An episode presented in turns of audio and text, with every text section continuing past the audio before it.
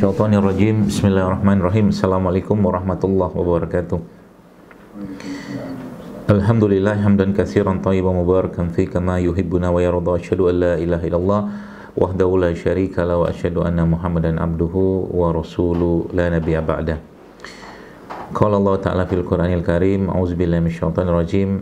Ya ayyuhallazina amanu taqullaha haqqa tuqatih wa la tamutunna illa wa antum muslimun وقال أيضا هو الذي أنزل السكينة في قلوب المؤمنين ليزدادوا إيمانا مع إيمانهم ولله جنود السماوات والأرض وكان الله عليما حكيما Alhamdulillah kita bersyukur pada Allah Subhanahu wa taala di hari yang penuh kebaikan keberkahan ini karena ini juga di tempat kami di sini juga sedang hujan dan saya tadi juga agak terlambat karena uh, apa sholat ya, di musola agak jauh dari rumah Namun tidak mengurangi semangat dan keberkahan uh, tentunya dari Allah Subhanahu wa taala dalam majelis ilmu kita ini. Uh, dan salawat uh, serta salam terbaik kita kita sampaikan kepada junjungan kita, pemimpin kita, imam kita yaitu Rasulullah sallallahu alaihi wasallam. Dan mudah-mudahan kita semua terus diberikan uh, taufik hidayah oleh Allah Subhanahu wa taala untuk mengikuti uh, jejak perjuangan uh, sunnah beliau sallallahu alaihi wasallam serta apa-apa yang sudah beliau ajarkan kepada para generasi terbaik yang pernah ada dan hadir di muka bumi ini yaitu para sahabat tabi'in wa tabi'ut tabi'in. Baik, Ibu sekalian uh, jazakumullah khair atas undangan dari El Nusa ya hari ini yang mengundang saya ke sini. Kayaknya ini yang kedua kali kalau salah ya. Tidak tahu lah. Pokoknya itulah. Baik, uh, bicara tentang eh, kiat-kiat uh, atau mungkin tips-tips uh, hidup sehat ya sesuai dengan sunnah Nabi SAW sebagaimana yang sering saya sampaikan di berulang-ulang kajian bahwa agama kita ini adalah agama yang sangat menjunjung tinggi uh, apa namanya kesehatan. Karena hampir semua ibadah-ibadah yang kita lakukan Bapak Ibu sekalian itu memerlukan fisik yang kuat ya contoh mungkin yang kita kerjakan tiap hari yang menjadi ibadah wajib kita itu sholat ya Orang yang tidak kuat badannya maka sulit akan bangun atau mungkin berdiri tegak. Ya. E, tidak kuat ini kan e, ceritanya atau mungkin penyebabnya macam-macam. Mungkin dia kekurangan tenaga atau kekurangan cairan dan seterusnya. Dan ibadah yang paling puncak yang merupakan salah satu jihadnya kita yaitu ibadah haji misalkan itu pun perlu fisik yang sangat-sangat kuat ya. Maka e, Allah sendiri ya menyampaikan melalui lisan yang mulia dari Nabi kita SAW bahwa uh, Allah mencintai mukmin yang kuat ya, kuat secara uh, fisik dia, secara iman juga pastinya ya daripada mukmin yang lemah ya. Maka salah satu doa yang kita panjatkan di pagi hari uh, ketika zikir pagi ya, yaitu Allahumma afini fi badani, Allahumma afini fi sam'i, Allahumma afini fi basari adalah salah satu bukti ya bahwa kita dimintakan ya terus ya atau kita meminta terus kepada Allah agar diberikan afiat ya kesehatan keselamatan di dunia dan akhirat.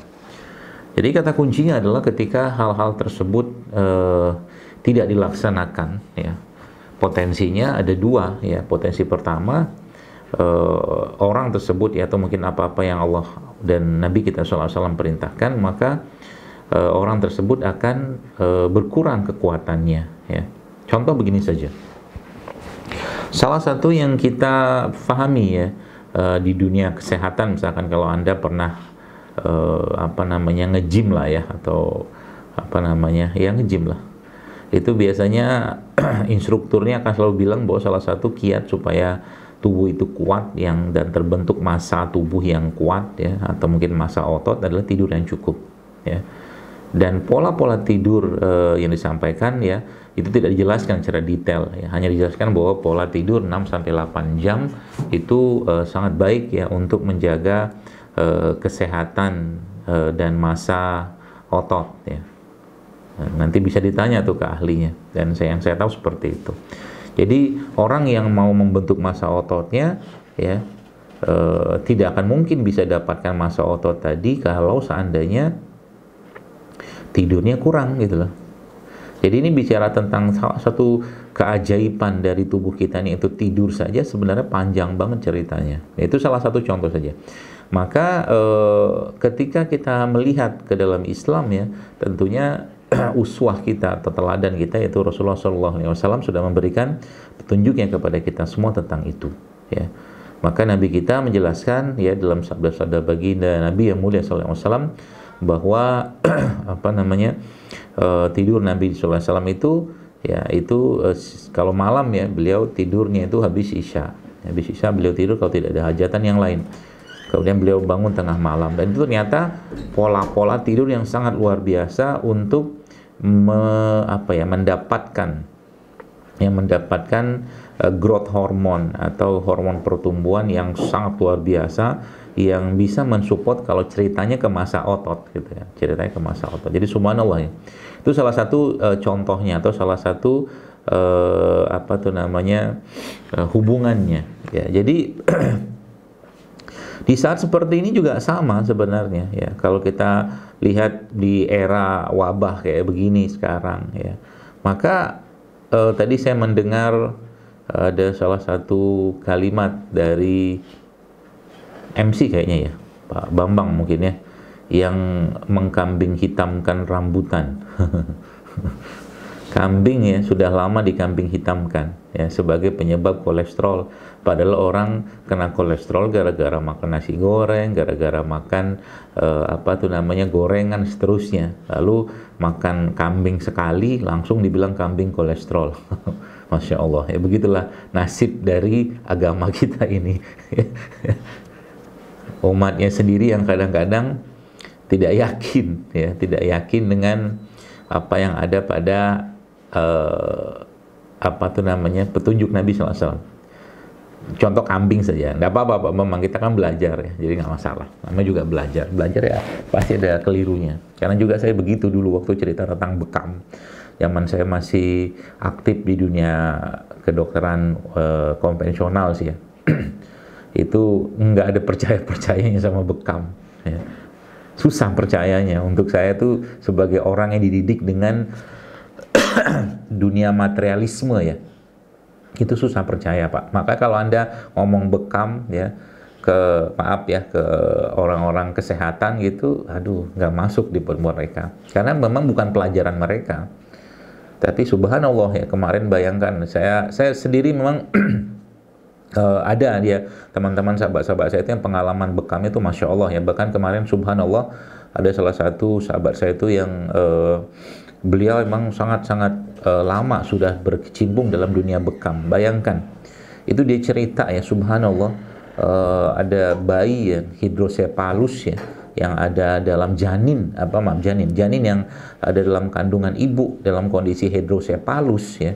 Hidrosepalus itu kepalanya membesar itu itu subhanallah mengecil dengan uh, bekam ya. Maksudnya ibunya yang dibekam. Itulah keajaiban dan kedahsyatan bekam loh itu yang pertama. Ada cerita lagi beliau ke saya gitu kan subhanallah saya sampai masya Allah nih gimana? Nggak masuk akal buat saya gitu kan. Uh, termasuk juga ada pasien hidrosepalus ya bayi gitu kan anak-anak lah. Sehingga saya itu itu mengecil lingkar kepalanya dengan bekam. Dia pun tidak tahu bagaimana caranya. Cuman lagi balik balik balik ilmu itu ya uh, tergantung siapa yang mengamalkan ya. Senjata itu tergantung siapa yang uh, apa tuh namanya uh, menggunakannya ya. Kemarin saya mendapatkan teman saya lah salah satu uh, ikhwah lah gitu kan yang konsul ke saya. Uh, jadi masjidnya pada bubar gitu. Gara-gara imamnya saturasinya menurun. Bubar semua pak masya allah gitu kan. Ini apa-apaan nih saya bilang. Gara-gara saturasi oksigen imamnya menurun. Saya bilang ya sudah untuk samperin lah gitu kan. Terus saya kasih beberapa resep. Karena saturasi itu sampai 70% ya kata beliau lalu saya uh, berikan beberapa saran ini itu segala macam. Itu semua menggunakan herbal-herbal yang ada pada Al-Quran. Dan subhanallah tadi barusan saya lihat uh, WhatsAppnya dia. Ya subhanallah ya uh, beliau sampaikan saturasi sudah membaik gitu kan masya Allah. Menggunakan konsep-konsep yang ada pada Islam. Ya subhanallah ya. Jadi Uh, sama juga kayak kalau kita bicara zam-zam, zam-zam lima syuribala kata Nabi SAW. Zam-zam itu sesuai dengan apa yang diniatkan orangnya.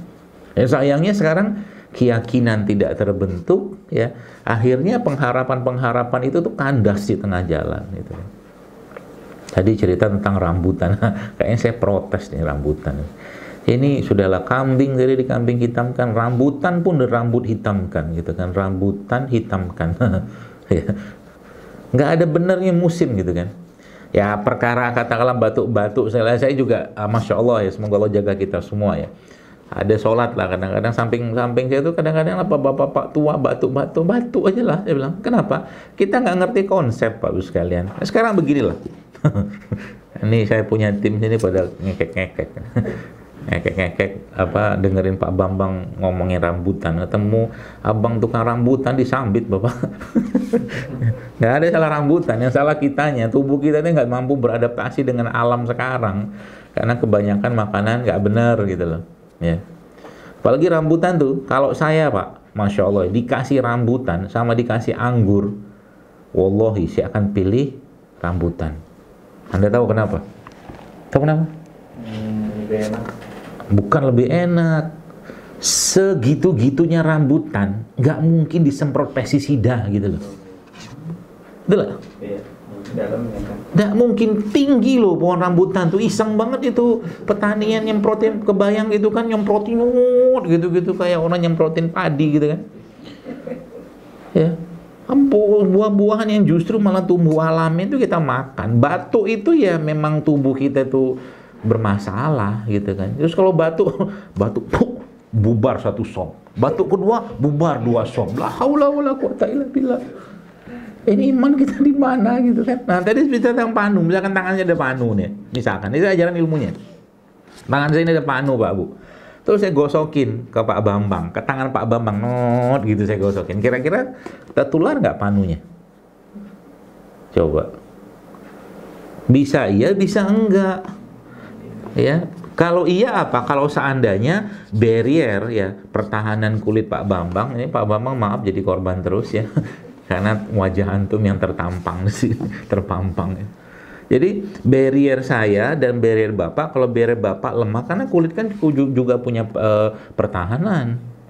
Ya kalau seandainya kena ya udah jamur saya pindah ke Bapak. Kan gitu. Tapi kalau seandainya kulit Anda anteng-anteng aja, baik-baik saja, jarang katakanlah dikasih bahan-bahan kimia, jarang uh, apa bersentuhan dengan sintetik-sintetik segala macam, ya nggak usah takut lah. Hmm. Kalau Anda berpikir kayak begitu, maka otomatis manusia yang paling banyak penyakit itu perawat sama dokter usah benari mereka ketemu pasien, no.